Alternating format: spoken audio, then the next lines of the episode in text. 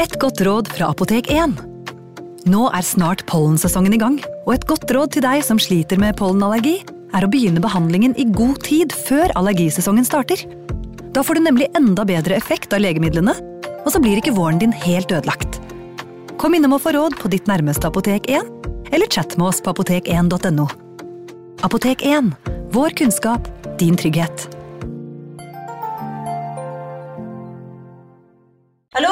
Jeg kommer fra Oslo politikammer. Ine Jansen er purk. Er du purk? The motherfucking bitch. Alt jeg vil, er å finne ut hva som skjedde med mannen min. Jon Carew. Er jeg sikta for noe? Iben Akeli. Det er du. Ole So, Lars Berrum og Big Daddy Karsten. Hvem sin side er du på, egentlig? Anette Hoff, Tone Danielsen, Kommer du fra Afrika? Jørnis Josef, Nesten. Kløfta. Trond Espen Seim, Det er synd å si det, men det var feil mann som døde. Purk. Premiere tirsdag på TV2 Play. Advarsel. I denne podkasten vil du høre historier basert på informasjon programlederne har funnet selv. Programlederne står ikke nødvendigvis inne for meninger og syn som fremstilles. Noen påstander kan avvike fra virkeligheten.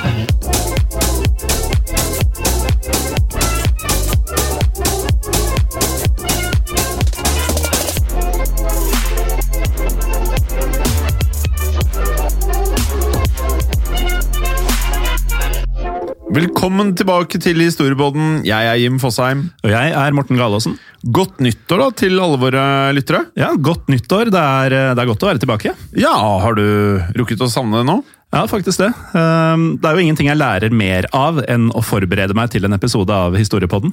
Jeg har også savnet det litt, øh, men øh, jeg, jeg liker jo Noe av det beste jeg vet, er jo den der når vi skal finne episodene. Og prøve å sette opp en sesong sånn at man får litt av hvert. For det er jo ingen hemmelighet at øh, annen verdenskrig står høyt i kurs hos oss. Ja, Vi må jobbe litt for at det ikke skal bli en rein andre verdenskrig-pod. Det er helt riktig. Uh, I dag så Apropos annen verdenskrig, så skal vi jo tilbake til eh, annen verdenskrig. da. Vi må jo starte sesongen med det vi liker best. Ja, vi, vi starter eh, sesongen og tiåret med et tema som vi har lovt å ta opp helt siden sesong én. Nettopp! Og det er den lenge etterlengtede Operasjon Barbarossa som nå står på agendaen. Som oftest så er jo operasjonsnavn ganske tilfeldig, sånn at fienden ikke skal skjønne hva det går ut på om navnene blir avslørte, men ikke i dette tilfellet. Operasjonen het egentlig Operasjon Fritz, men da forberedelsene ble satt i gang, endret Hitler selv navnet til Operasjon Barbarossa. Og dette nye navnet det var en referanse til den romerske keiseren og tyske kongen Fredrik den første. Eh, Etternavnet hans var nemlig Barbarossa, og han regjerte fra år 1152 til 1190. Og Jim, gjett hva som var hans store drøm. Uh, jeg, jeg, har, jeg har ikke peiling, jeg, Morten. Fredrik Barbarossas store mål var tysk herredømme over hele Europa. Det burde jeg faktisk ha kunnet gjette, da. Det høres jo litt kjent ut, dette her, da. Så det er kanskje ikke rart at Hitler likte han her godt og kalte operasjonen etter han. Det var nok litt inspirasjon Hitler henta fra, fra selveste Barbarossa der, ja. Så som vi har avslørt, så skjønner dere lyttere kanskje at denne operasjonen kom fra den tyske siden under krigen, der de hadde noen store, onde planer. Vi er i 1941, og Tyskland kontrollerer en god del land i Europa. Men det var fortsatt én stormakt som gjorde Hitler urolig akkurat på denne tiden. Og dette var den store Sovjetunionen, ledet av Josef Stalin. Det var nettopp det det var, og Hitler han var gira på å kapre Sovjetunionen også. Eh, nazistenes selvtillit hadde nemlig økt voldsomt etter at de hadde tatt eh, bl.a. Frankrike. Offisielt skulle ikke Hitler angripe Sovjetunionen, for i 1939 hadde nemlig Tyskland og Sovjetunionen inngått en The German Soviet Non-Aggression Pact, altså den tysk-sovjetiske ikke-angrepspakten. Og denne pakten eh, sa at eh, Sovjetunionen og Tyskland ikke skulle angripe hverandre på ti år. Og den delte også mm, Øst-Europa opp i tyske og sovjetiske mm, sfærer eller områder, som eh, hver av dem kunne invadere for seg selv i fred og ro. Det er så rart at eh, de har på bare ti år! Hvorfor har de ikke bare at de aldri skal være slemme mot hverandre? Ja, Nå skulle det jo vise seg at uh, ti år også var litt mye å gape over for disse to, da. Ja, de var litt offensive, det er de, da. Ja. Slik ville jo da Hitler kunne invadere Polen uten at Sovjetunionen kunne blande seg inn, og, og slippe da på Sovjet i øst når de sto mot Storbritannia og Frankrike på vestfronten. Men denne pakten gjaldt jo slett ikke i ti år, for um, som det heter i en sang av uh, det norske punkbandet Feilfødt, to år er alt du får. I 1941, to år etterpå, kom nemlig Operasjon Barbarossa, som var nazistenes invasjon av Sovjet.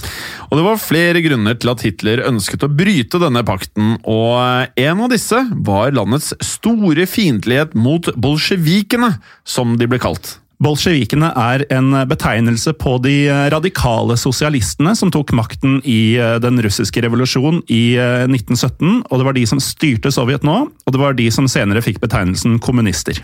Vi har jo snakket litt om eh, den russiske revolusjonen før, altså i episoden om Rasputin i første sesong, vel? Ja, den episoden den er en favoritt for ja, min del. altså. Og der kan jo folk høre oss synge. Ja. Vi har fått mange meldinger om syngingen vår faktisk nå i pausen. Ja, og øh, jeg har også noen venner som også har meldt meg litt om denne synginga vår. Ja, Men, Kanskje øh, vi skal synge mer, da? Er det du det vi konkluderer med? Noen av meldingene vi får av lyttere vi ikke kjenner, sier jo gjerne det. Ja. Eh, Mine venner sier noe helt annet. Ok, De mener at vi ikke skal synge. Ja, Ja. eh, noen av dem i hvert fall. Ja. Men i hvert fall, nazistene de, de hata jo så mange forskjellige typer folk. De syns også at bolsjevikene, altså folk fra Sovjetunionen, var av en underlegen rase.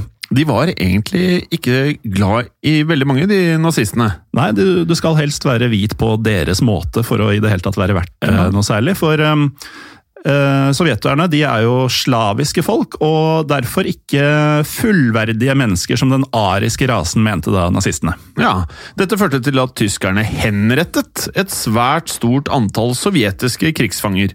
De så dem altså som laverestående mennesker, og dessuten som en del av den bolsjevistiske trusselen. Etter jødene var faktisk eh, sovjetiske krigsfanger den største offergruppa for eh, nazistenes dødelige rasekrig. Ikke koselig, men så selv om de hadde en ikke-angrepsavtale, så anså Hitler fortsatt Sovjet som en av deres aller, aller største fiender. Han hadde gjort dette ganske lenge, faktisk. Det var også en annen grunn til at Hitler følte at det var på tide å invadere Sovjetunionen. Sånn utenom at det å invadere land var målet deres på dette tidspunktet, da. Ja, Sovjetunionen hadde nemlig invadert de baltiske statene, altså Latvia, Litauen, Estland, eh, oppi de traktene, og deler av Ukraina i 1940. Det betydde at de plutselig ikke var så langt unna rumenske oljeområder som Tyskland fikk oljeressurser fra, og det kunne ikke Hitler ha noe av.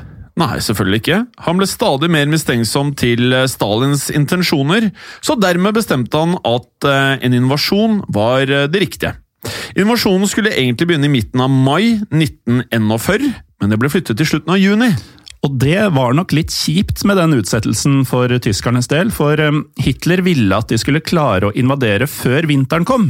Men eh, generalene hans de mente fortsatt at eh, dette skulle gå helt fint. Hitler selv var overbevist om at hele Sovjetunionen var vaklende skjørt, og at det lett ville rase sammen av et godt spark fra den tyske armeen. Ja, og de regnet med at uh, Tyskland ville ha tatt over Ukraina og hele den europeiske delen av Russland innen slutten av oktober, faktisk.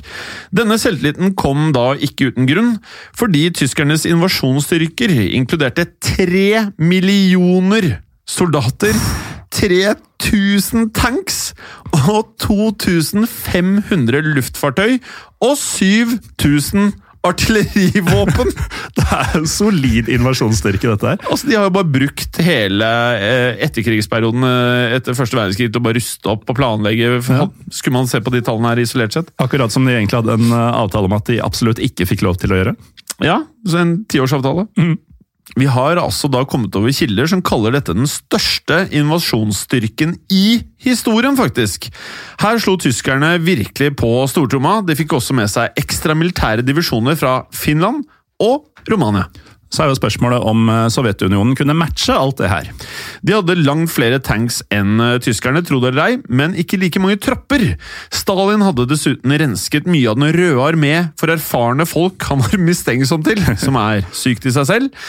I tillegg var mange av tanksene og luftvåpnene gamle og veldig, hva skal jeg si, utdaterte, da. Med så mye styrke på sin side regnet tyskerne med at invasjonen skulle gå fint, dermed satte de i gang. Og den 22. juni 1941 åpnet de ild. Tre tyske grupper angrep tre forskjellige mål samtidig. Ja, og dette med de tre forskjellige målene er jo fordi Sovjetunionen ikke akkurat var et uh, lite område å skulle ta, så de retta da invasjonen mot tre steder.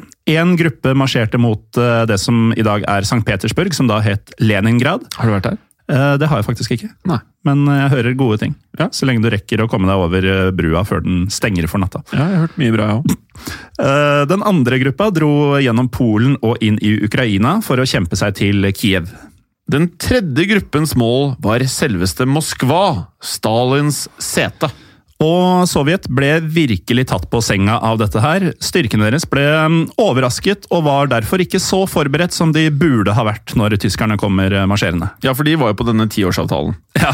Var de da helt uvitende om hva tyskerne planla her? Ja, og det er litt merkelig, fordi eh, en av kildene våre refererer nemlig til eh, Operasjon Barbarossa som en av krigens minst hemmelige hemmeligheter. Ja, det er nettopp det det står, da. Ja, um, å, å, bygge opp en så stor invasjonsstyrke og sette den utafor døra til eh, Sovjet var jo ikke akkurat en diskré affære. Nei, og vi vet jo at Sovjet de, liker, de er ikke fremmede for litt spionasje. Så det kan ha vært mulig å få et glimt av dette. Ja, og så var jo ikke Stalin den som stolte mest på eh, folk han hadde verken under seg eller avtaler med heller. Så Nei, han, han, var ikke glad i det. Han var ikke det. Men uh, disse forberedelsene var heller ikke sånn spesielt hemmelige for de allierte. Uh, Visstnok så skal Hitler i desember 1940, altså et halvt års tid før dette ble satt i spill, ha presentert denne planen om å invadere Sovjet i kun ni topphemmelige eksemplarer som bare gikk til den øverste kommandoen i Tyskland. Men bare én uke etter dette så fortalte britisk etterretning Churchill om Hitlers plan. Så det var ikke så hemmelig, dette her? Nei, det var ikke det. Og Litt senere så fortalte en tysk antinazist om Barbarossa-planene til amerikanske ambassadører i Berlin.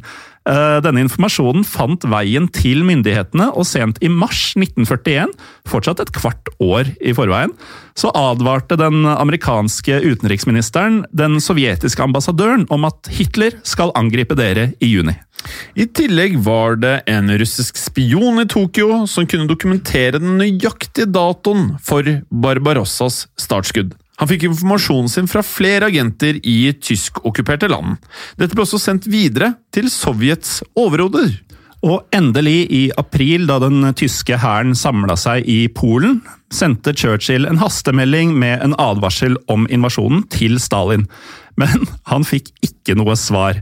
Og altså, Hva var det som foregikk her, egentlig? Hvordan, hvordan kunne Sovjet være uforberedt på invasjonen når så mange visste om den? Du vet hva strutsen gjør når det er mye som skjer? ja, det er vel noe med sand og begraving av hodet? Jeg tror han bare kjører huet rett ned under jorda. dunker det ned. Og så kanskje problemene går vekk. Eh, men det virker jo ikke som den beste strategien når du har verdens største invasjonsstyrke på vei. Så det å bare ignorere dette var eh, ikke optimalt. Nei, det skulle vise seg å ikke være det. Villigheten til å overse disse advarslene var en kombinasjon av mistenksomhet og optimisme.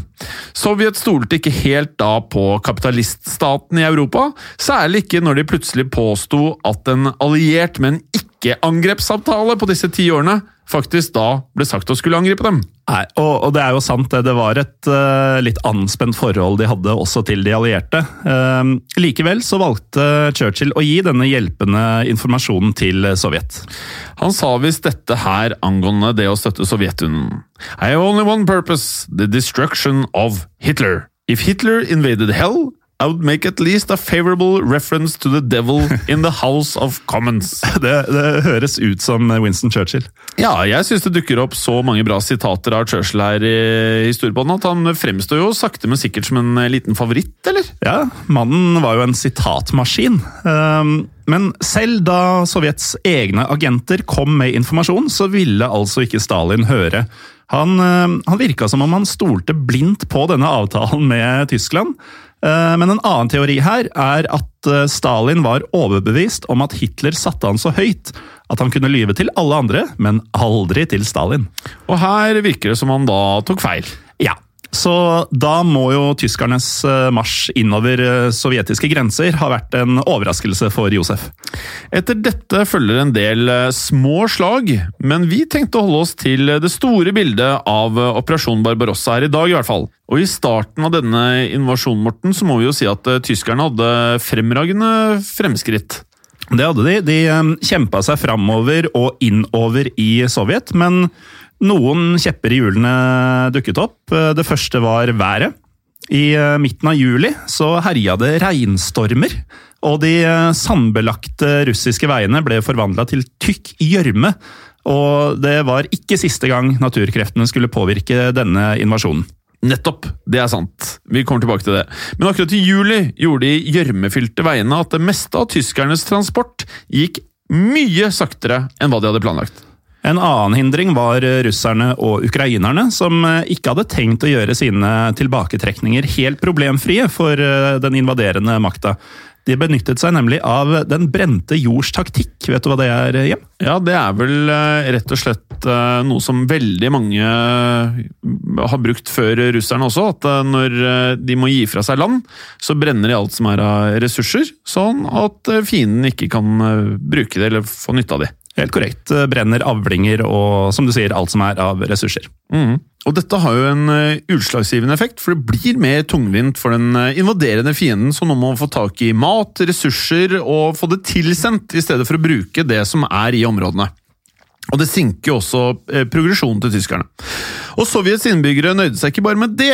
Under tilbaketrekningen brant de broer og demonterte maskiner, blant annet stålfabrikker. Deretter sendte de maskinene lenger øst, så de kunne sette dem sammen igjen og bruke dem der. Dermed fant tyskerne bare brente avlinger, tomme fabrikker og ødelagte broer. Dette var jo som sagt noe som sinket dem, men det, det, var ikke mye forsinkelser i planen deres. Innen midten av juli hadde to av gruppene samlet seg til én, og hadde kommet seg over 640 km inn i Sovjet. De sto nå bare 320 km unna Moskva. Og da skjønner du at både Stalin og de andre russerne begynner å svette litt. Ja, og når tyskerne var så nærme målet, så var det jo egentlig bare for dem å fortsette å kjøre på, vel? Eller var det det? Eller? da de først hadde kommet seg så langt, så kjørte de ikke på med en gang. De, det var noe, eller noen, som satte på bremsene. Det er riktig. Selv om tyskerne hadde kommet såpass langt, skulle nå invasjonen bli langt seigere.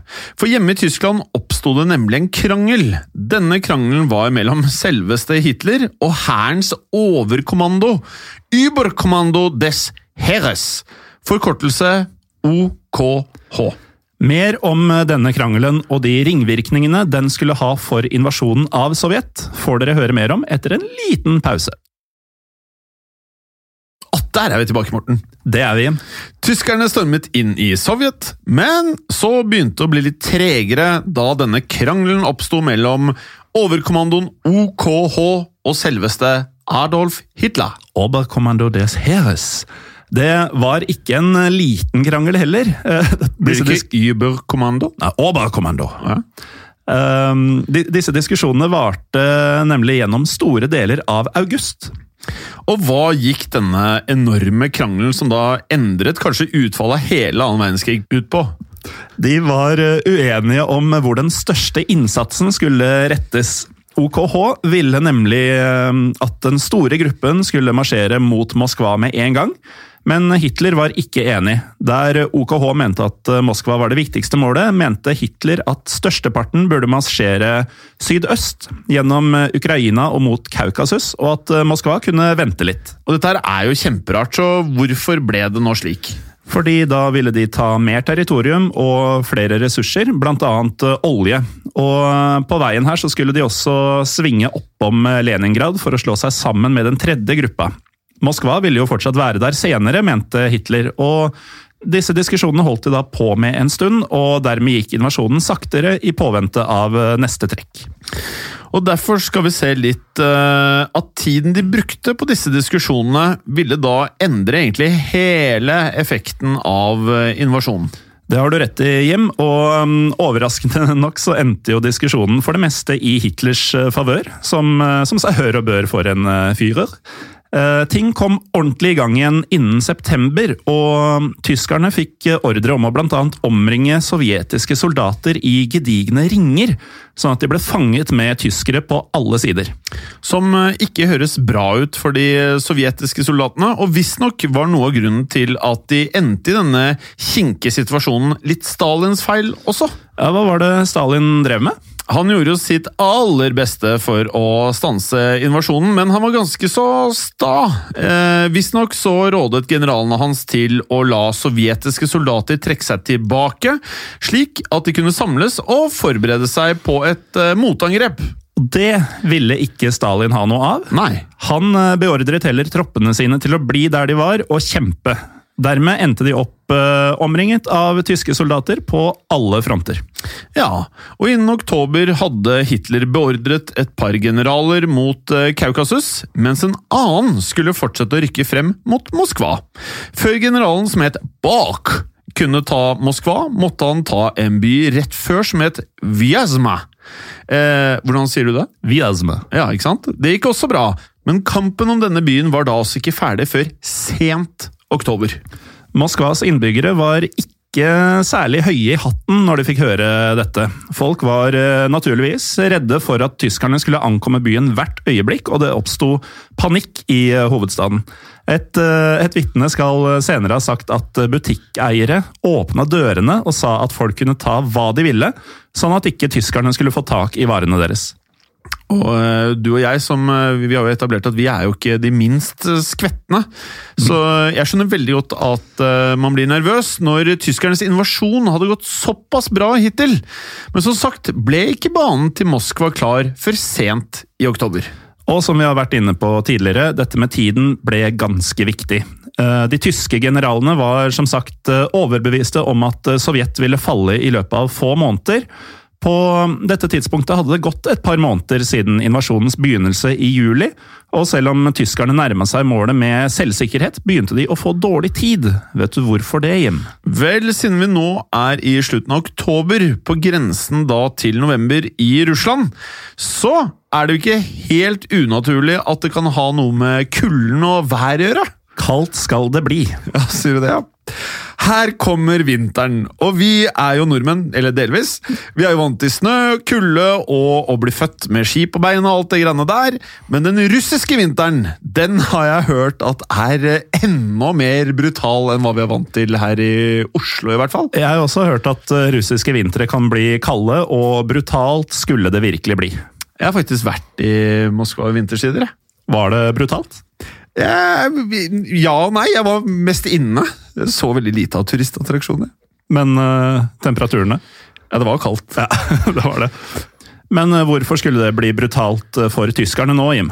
Det var ikke bare pga. kulden, selv om vi skal se at den gjør livet surt for tyskerne. De hadde nemlig også undervurdert Sovjetunionen.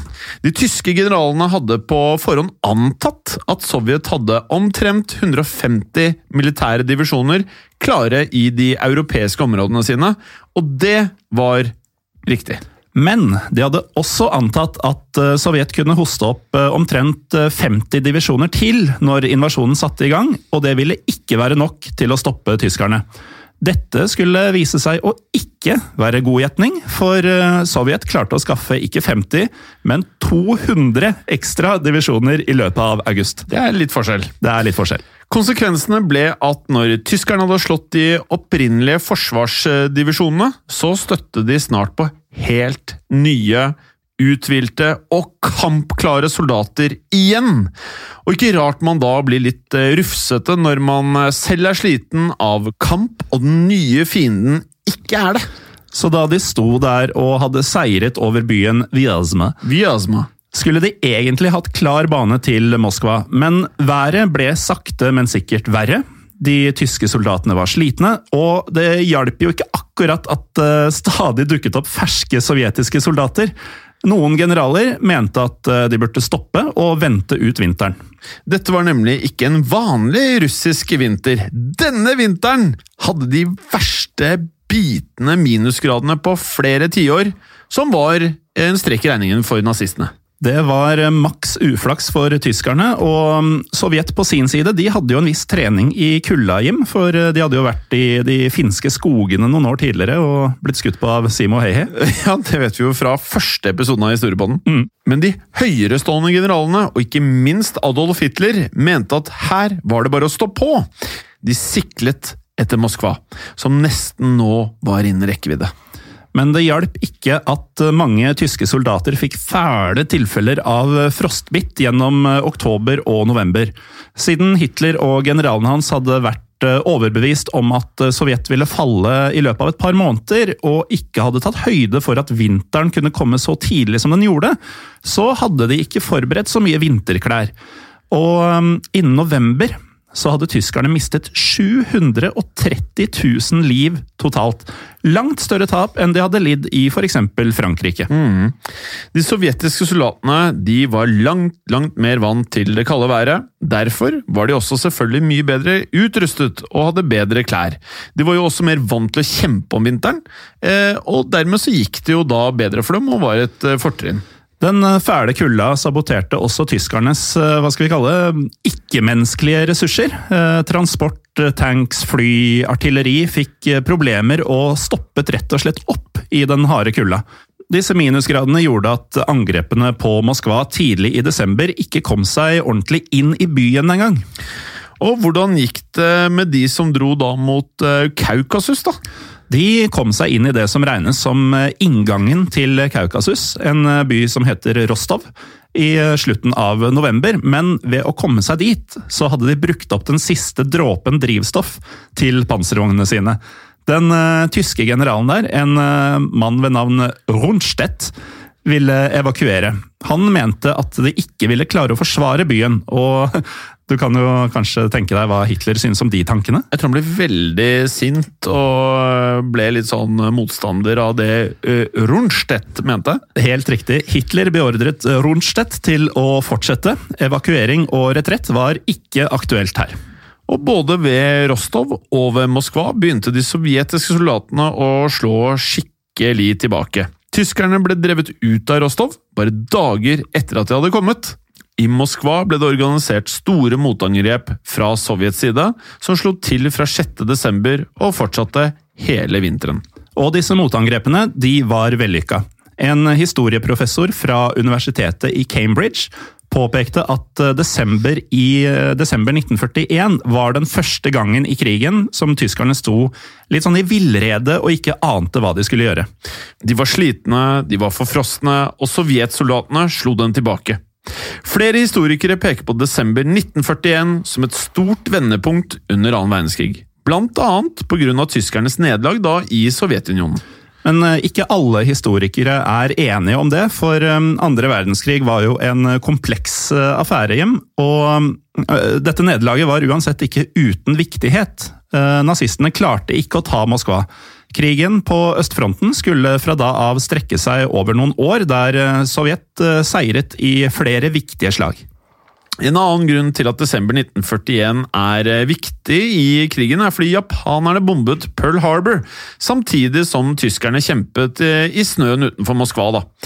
Dermed erklærte Tyskland krig også mot USA 11. desember. Og vi vet jo hvordan det gikk. Det vet vi, Morten.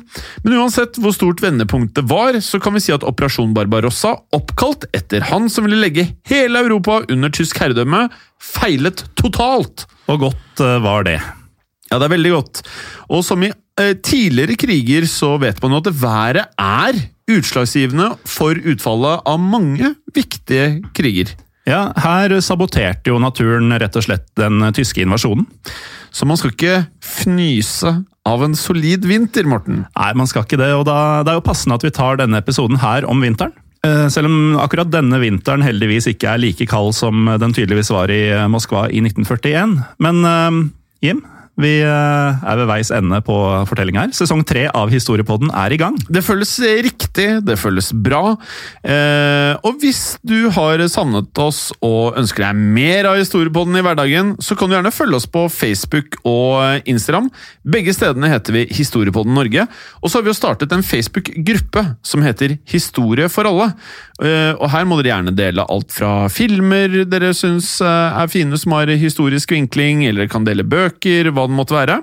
Eh, og dere kan gjerne komme med feedback på og, ideer til, til episoder i fremtiden. Høres ut som denne gruppa kan brukes til alt. Ja, meget. Så lenge det er historie, og så lenge man har en nedpå approach til historie.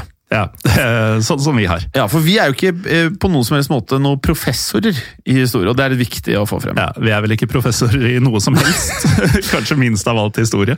Uansett, eh, hvis dere liker det vi driver med, så gjør alt det Jim sa, og rate oss gjerne på iTunes også hvis du er Apple-bruker. Og så har det seg sånn at jeg vet ikke om det blir i februar eller mars, men vi har en stor nyhet til dere historiepodden-lytterne. Eh, og dere kan faktisk muligens gjette dere til hva den nyheten kommer til å være. Eh, og kanskje vi da for hver episode kan dryppe et lite hint, så kan dere gjerne komme med forslag til oss. Og så får vi finne Vi må jo ha noe historie på den T-skjorte på et eller annet tidspunkt her, og kan dere få noe T-skjorter, da. Oi, oi, rett riktig. Er det, ja.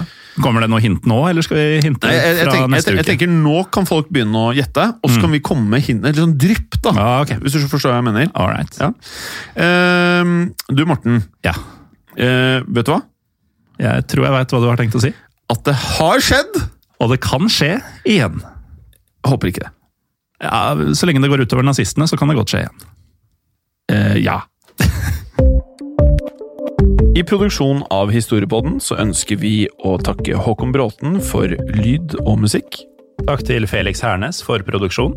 Takk til Ellen Froktenestad for tekst og manus. Og takk til deg, Morten Galesen, for programlederrolle. Og takk til deg, Jim Fosheim, for programlederrolle.